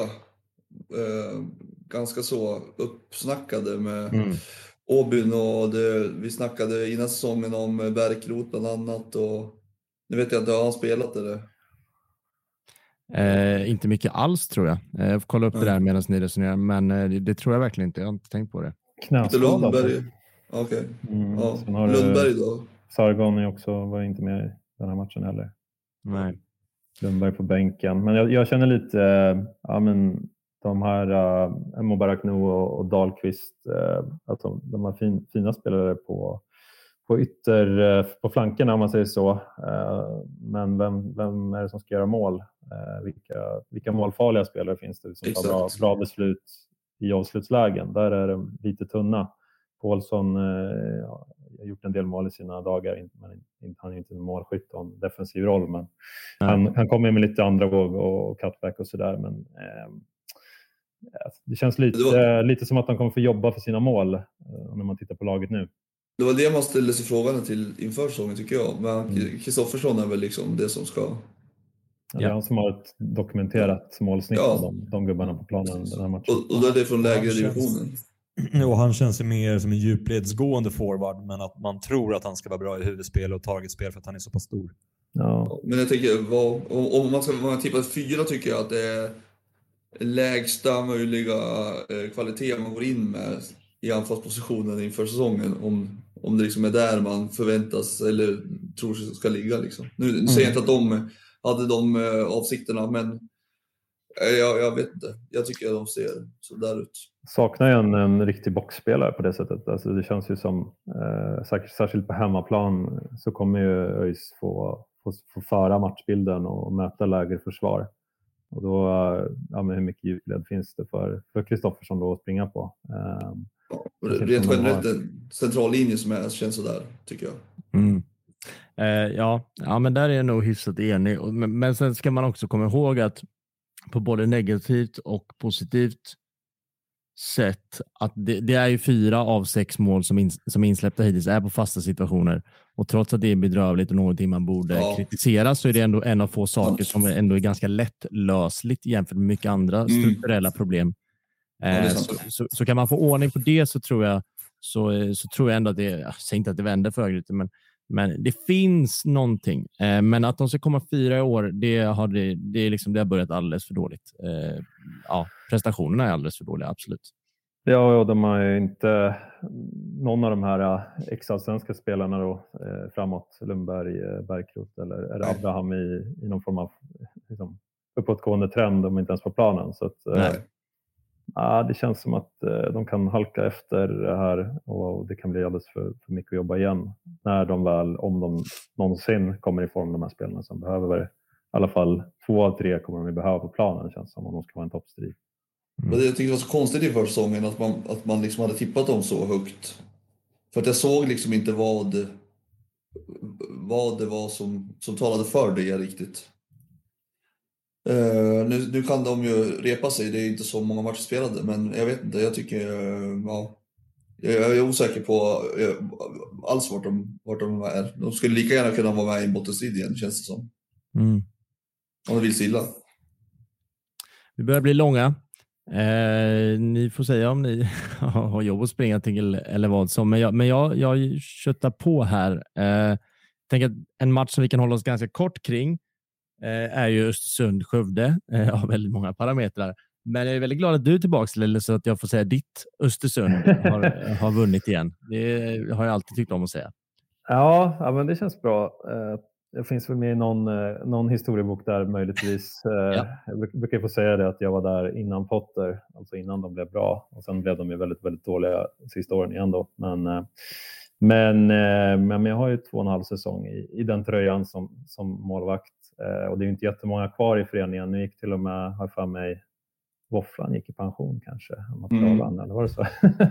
ja, då är det, då är fasen ingen kvar um, så jag vet inte hur mycket som är mitt längre då. Men, um, men jag är ganska övertygad om att de, eh, ni har varit inne på det också, uh, avsnitten här uh, senast, att de kommer inte åka ur. De är fasen jävligt uh, desperata och, och väl Alltså de är strukturerade i att de inte inte ska ha så mycket boll eh, utan att de ska vinna, vinna omställningsspel via det här man-försvaret och de har eh, kvalitet på, på fötter också. Gör väl gör de två mål på, på fast situation den här matchen tror jag. Mm. Så, um, så de har, de har eh, de har spelare som vill, vill, vill vara där och vill liksom. Och det kanske de inte riktigt har haft förut. Det har varit spelare som har funnits kvar sedan den allsvenska sessionen som kanske egentligen har velat vara någon annanstans. Men nu har man fått bygga vidare på år två och eh, det, nej, det, det här är inget dåligt lag. Eh, oavsett vad, vad folk tycker om Östersund så jag tycker att eh, Magnus Powell har verkligen, man ser en röd tråd och de kommer att vara väldigt svåra att spela mot det här laget. Verkligen, verkligen mycket bättre än förväntat tycker jag. Mm. Ja, jag håller med. Men vi kan ju fastslå att vi har ett lag som är klart att ingå i bottenstriden i alla fall. Det är, det är Skövde. Mm. 100%. Ja, men det måste vi göra. Och Tobbe Linderoth tar ett rött kort i slutet också. Det visar på att uh, allt inte står rätt till också. Att de inte riktigt mår så bra som han uh, vill att de ska må. Klippte han någon eller? Nej, det var... Han skrek det var, var det andra gula till och med. Så ja, det var, det var andra gula. ja. eh, blir man avstängd i nästföljande match som tränare? Dålig koll. Ja. Det vet ju du Jocke. Ja, nej, faktiskt. Eh, röda kort eh, har jag inte fått så många, men gula har jag åkt på. Och man, det är ackumulerande även på tränare när det gäller gula kort. Ja. Okej. Okay. Och, och, härskarteknik eller? Två gula som blir ett rött blir en match avstängning för Lindroth då helt enkelt. Mm. Mm. Ja, eh, jag tuffar vidare. Eh, kanske veckans bästa prestation. Eh, jag vet inte om ni håller med, men eh, Västerås 3-0 mot Örebro, Jocke. Vi skrev ju lite om matchen i vår chatt häromdagen. Eh, de ser bra ut, Västerås. Mm. Ja, det, det, ja, det gör de ju verkligen. Eh, och sen spaningen på Örebro, den träffar ju inte alls rätt. Eh, så jag har inte alltid rätt Johan och jag kan erkänna det också. Som du hör. Nej, ty tyvärr i det här fallet så, har jag tippat Örebro etta så att det är så bra som Trots att du har fel gjort så har Johan mer fel. ja, Nej, men den, den, lilla spaningen jag ändå vill eh, slänga ur mig någonstans, det är ju Jabir eh, som kommer in återigen och gör Alltså hur många minuter har han spelat? 23 minuter? Vet och två, ja, men, ja, mellan 15 och 30 minuter då, ungefär, känns det mm. som. Och eh, gör två assist på den tiden han spelar. Max Larsson går emot ett litet mini-genombrott till exempel. Miguel Sandberg gör mål för andra matchen i rad. Eh, och, eh, nej, men, ja, men Kalle Karlsson har börjat få ordentlig fart på det här bygget. Mm. Ja, vi ska, jag har pratat med Kalle. Han har, han har lovat att vara med här i podden framöver också, så det, det ska bli väldigt intressant. Just också att han har fått eh, ratta det här eh, mer eller mindre som han vill också, eh, nu när han är manager. Eh, Herman Ottosson som var sportchef gick ju till, till Mjällby i, i en utvecklingsroll där, så Västerås har valt att ge Kalle ja, det allra största mandatet till att bygga truppen också. Och, ja, nu känner jag honom privat och, och sådär, men, men fasen, det, det börjar likna någonting. Eh, det, mm. det jag slogs av igår är ju vilken extrem speed det finns i laget. Eh, han vill ju spela det här man-man-försvaret i höga, höga pressen och, och jaga skiten ur motståndarna. Eh, och när man väl liksom, har bollvinster så är det ju extremt många spelare i, i rörelse. Eh, och Simon Johansson med, med eh, ja, han är en av bästa spelarna i serien som, som mm. ofta länkar ihop det eller gör någonting som, som sticker ut. Um, ja, och det var väl liksom försvarsspelet i fjol jag kände eh, framförallt eh, fallerade lite. Um, och, och, mentalt inte minst, alla, alla sjuka poängtapp trots att de ledde. Mm. Men eh, Herman Magnusson, också gammal, gammal Karlbergsspelare, men, men också eh, Fredrik Nasumbi, oh, det kan jag inte ens uttala, men, men mittbacken där, eh, Alex Douglas, de, de ser eh, individuellt skickliga i sitt försvarsspel på, på, på, på vinna dueller. Eh, och det är det som krävs om man ska våga offra så många spelare i pressen. Eh, så att nej, det, VSK fortsätter ju eh, det vi såg av dem på försäsongen och, och har sett här i början också. Och det känns ju någonstans som att en av de stora anledningarna varför Jabir Abdi Ali inte spelar från start är just det du är inne på, den här otroliga speed och man-man-spel man vill ha i sitt försvar kanske. Eh, för mycket kan man säga om honom, men det är ju en spelartyp som är otroligt intressant med sin enorma storlek och 202 eh, längd. Men eh, kanske just i det pressspelet kanske han inte är den optimala och det är kanske därför han kommer in mycket. Vi får se om det ändras på, men, men, eh, men det känns ju som eh, en väldigt rimlig anledning. Mm. Ja, jag håller med.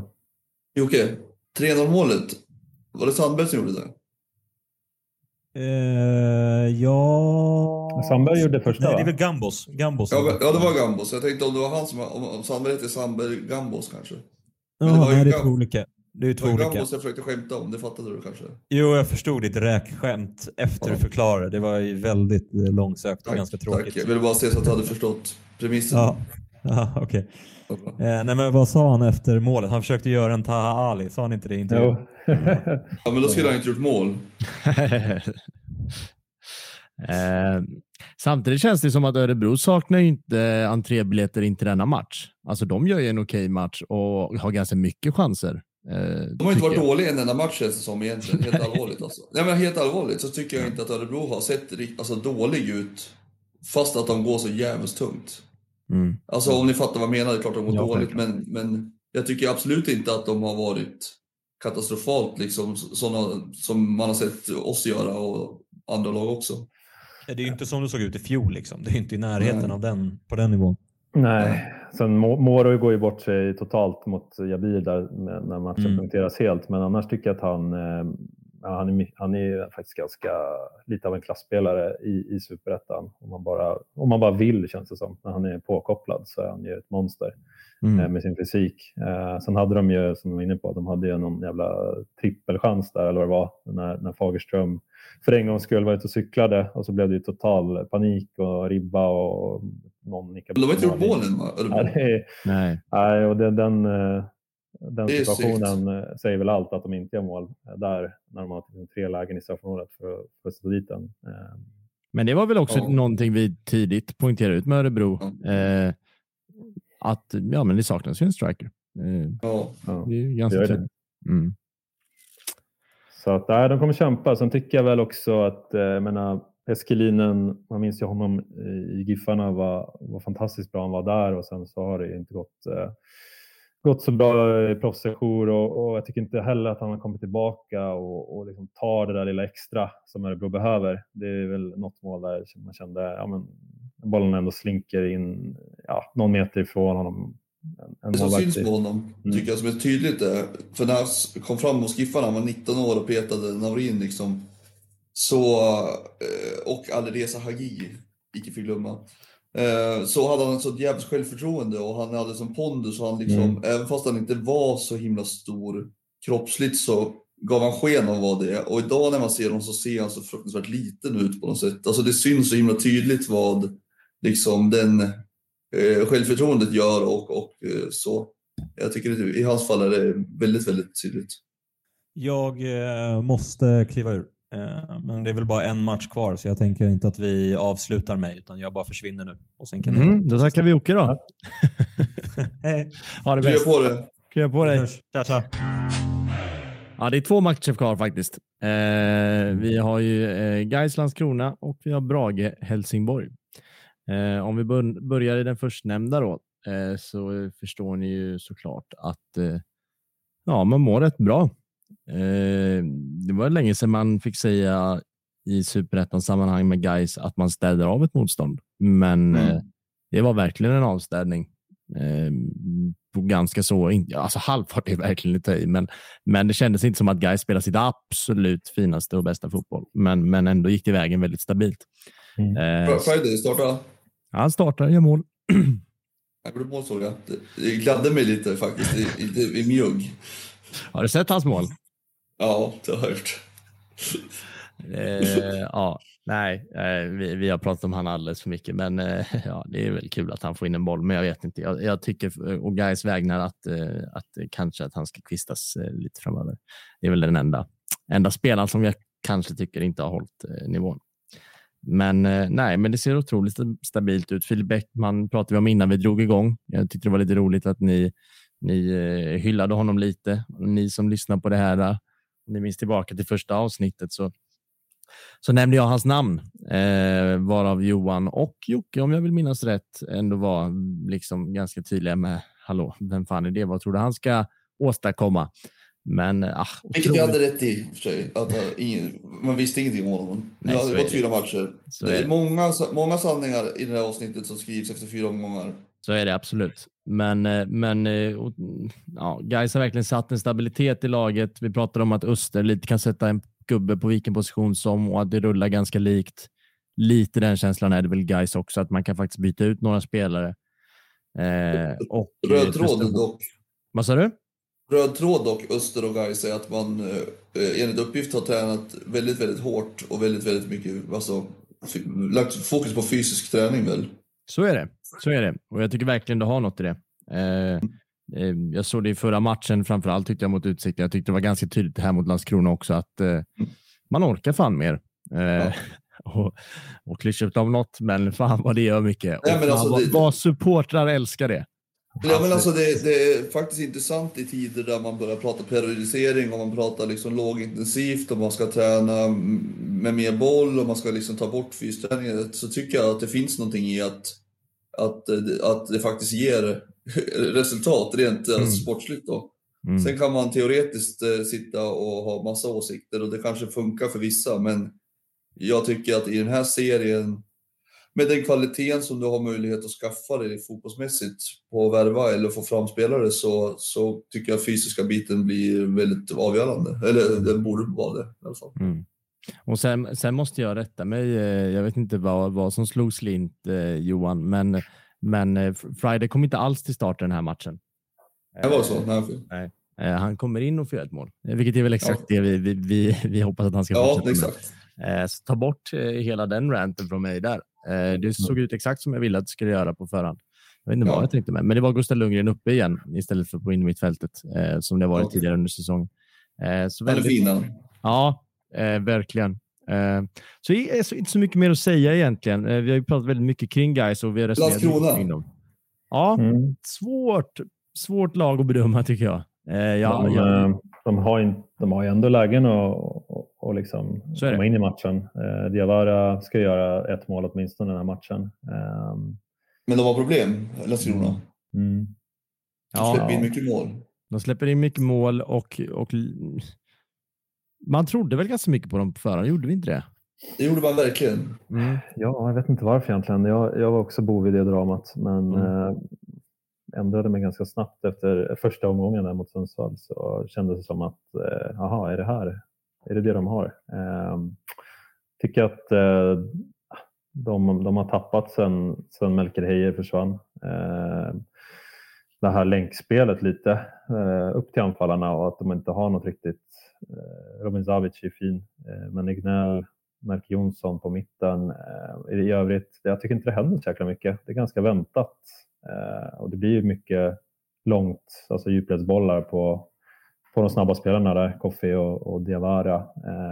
Och när inte de då sätter bollarna eller att det är bra timing i, i, i det så blir det händer inte så jäkla mycket och försvaret har ju som ni var inne på spökat också.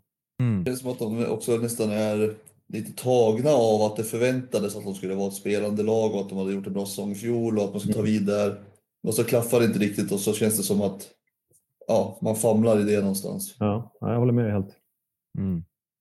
Nej, och verkligen. Och du och Nazar Diawara som jag pratade upp ganska mycket efter förra insatsen var lite blekare i den här. Så man får verkligen se vad, vad, vad hur det blir för Landskrona. Det är, det är mm. svårt, och, svårt att resonera kring tycker jag. Nu gjorde målvakten där, Hildeman, gjorde, eh, han orsakade straff som han själv, själv räddade och det, mm. det är alltid all respekt. Men, eh, men, Svante. Mm, men, eh, men var är Amer Kadura någonstans? Han är, det är en av Superettans bästa målvakter tycker jag.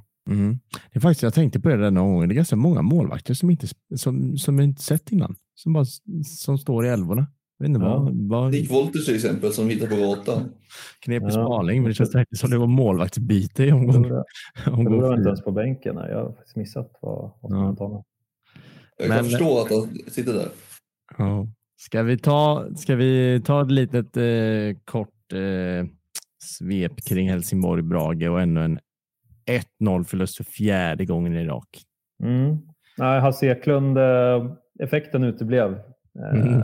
Stuart är inte på plats jag förstår än va? Eller från och med maj eller något sånt där? Ja, det är nog arbetstillstånd och allt vad det var. Exakt. Så att uh, den gamla Falkenbergs uh, legenden ändå, får man, legendaren får man ju säga. Det får man fan säga. Ja, helvete var imponerande. Han, ja. han jobbet han ändå gjorde uh, med Falken. Sen att de till slut landade i division 1 och han fick gå och sådär. Det lite svag sorti. Han skulle ha slutat på topp kanske. Men, mm. Nej, det, ja, det, det, de var ju inte helt hundra Helsingborg. Eh, får inte spelet att klaffa alls. Eh, jag såg faktiskt bara highlights från den här matchen. Så ni får gärna jag såg första leda. halvlek i alla fall. Jag tycker Brage tillåts ju växa in i matchen ganska friktionsfritt egentligen. Mm. Eh, sen målet som han gör, eh, Kanti Hallberg, eh, han får ju gå upp helt ostört mitt i straffområdet, knoppa in den. Alltså in, han som slår inlägget får ju stå och måtta in det. Det är... Eh, jag, vet, jag hade någon spaning som jag kom fram till. Eh, eh ja, eh, jag vet inte, för i fjol när de värvade mycket under sommaren så känns det som att då, kom, då kommer det in spelare som, eh, där och då vill man ju bara ha någon som kämpar liksom lite. Som den där danska högerbacken från division 2, vad han heter, Reynolds eller något. Uh, ja, men, och, och, nu kanske de förväntas vara uh, spelförande och, och liksom vara bärande i ett lag och det tycker jag inte alls att de är, många av dem. Nu vet jag inte om han var med i den här matchen, men uh, rent generellt så, så tycker jag att de, att de ser väldigt ostrukturerade ut och väldigt så, ja, det brister på så många plan så att det är svårt att veta vart man ska börja lite. Ja, de ska vara, de ska vara glada att det slutar 1-0. Ja, verkligen. Kalle Joelsson gör ju de försökte till och med göra självmål där i slutet. Som han alltså det, mm. det är typ alltså, så mycket som symptomatiskt som händer där ute eh, ja. i, i, beslut som bara, bara skriker lag i som inte mår bra. Eh, Nej, och, och, det, som, det som jag tycker är knepigast är att det faktiskt efter fyra omgångar inte ser annorlunda ut på något sätt. Nej. Alltså Nej, det, exakt. det är inte ens en liksom sluttande lite liten kurva uppåt, utan det är, liksom, det är ganska likt som det var i... Ja. i, de, lys de lyssnade på mig dock och startade Rasmus Jönsson va? Mm. Ja, han var inne på mitten. Ja. Eh, det, det, ja, det är ju vad det är. Ja, men det känns som att uh, Erik Ring som ändå Helsingborg imponerade inte mm. försäsongen men, men alltså det, det känns som att han måste typ göra något på egen hand så att de får leda en match. Eh, alla ja. och, liksom få lite Han ser ändå lite pigg ut sådär. Ja. Jag vet inte, mm. högerbacken där, Blixt kan väl kanske bli något, men han ser just, han är ju så tunn. Ja. På något sätt, han brister ju lite i närkampsspelet och jag tycker att, ja, jag vet alltså försvarsmässigt tycker jag att det ser, eh, ja, ut som hos oss. Och sen känns det som att Willem Löper som spelar ute på kanten och har gjort nu ett ganska bra tag. Jag vet inte varför man alltid har tänkt att det är en ganska framstående spelare, men det är det ju inte. Ja, men sist han spelade var väl när, när de gick upp, då gjorde han väl tusen och sist sparkade han sönder foten i stolpe och sen har han inte spelat. Nej, nej, nej. Alltså, just, det, det, har jag ju såklart med mig, men, men jag, menar, jag menar, han spelade ju en del förra året och han spelar ju nu. Mm. Ja, alltså spelade han? Ja, han kanske spelade något i fjol, men, men jag tycker, ja, jag tycker att han är skadad sex, hela tiden. 16 framträdanden i fjol. Jaha, shit. Ja, mycket mer än vad jag trodde. Men mm. ja, visst. Men det är nog mycket det... från bänken, absolut mycket från bänken. Men jag bara menar att det är verkligen en, ett namn, tycker jag. Ja, så, alltså, som, som man har fått höra mycket. Jo, ja, så var väl... Eh, i fjol ja, det är väl det. ja, men som, var, som jag tycker blev väldigt omdiskuterat, eller i alla fall delat mycket. Jag läste den med ganska stor behållning. Jag tyckte att det var lite härligt att få ett perspektiv från eh, överklassen kanske i fotbollen. Att det brukar vara den andra typen av stories. Eh, så att jag vet inte, någonting med honom har fastnat. Men jag håller med att han eh, ser ju inte direkt ut att vara bärande i ett topplag i dagsläget. Sen är han ju alltså, fotskadan där, sparkar sönder stolpe. Ja, röda kort, han är ju sin egen eh, största fiende. Han, ja, han, jag tycker att han är bra och han, menar, han vann assist, assistligan eh, både med AFC och Helsingborg vill jag minnas. Så ja. I Superettan, så honom bra, måste, man ju, måste man ju få ut eh, mycket mer av. Mm. Ja, men så vet jag inte heller, eh, Morsin, hur många, har han presterat mer än, alltså i fjol så, Superettan gjorde han 12 mål eller vad vi sa, något, mm. innan han gick till Helsingborg. Han gjorde fyra, det är inte dåligt alls, alltså inte det jag säger. Mm. Men eh, det är ju inte liksom, alltså man tittar, vi har Hallenius och Pontus som har presterat år efter år. Ah, det är att ta i, verkligen. Det var det. Men, det, var det. men Pontus har ändå gjort det kontinuerligt. Linus har ju haft sina ups and downs, men han har ju ändå visat, eh, han har gjort 18 mål i Allsvenskan och så vidare. Det är ju inte liksom en, det är inte så starkt forwardsnamn att sitta med. Eh, nu startar han inte ens hela tiden. Nej. Mm. Så Nej. jag vet inte. Vi har ju hyllat deras trupp som bäst någonsin hade du och jag, så vi får väl hoppa ner i en å eller någonting. Ja, men nu slänger vi oss lite väl under bussen. Bäst någonsin, har vi sagt det? Ja, nästan. Nej, ja, kanske inte. Men väldigt, väldigt bra i alla fall. Överlägset bäst. Så är det. Eh, 1.35 står det på min klocka. Vad säger ni? Ja, att du har en kollega som lär vara milt irriterad. Ja, eh, jag förstår det. Eh, jag säger tack för oss. Eh, tack till er som har lyssnat. Det här har varit Superettan-podden som görs av Rekat och Klart. Vi hörs igen nästa onsdag.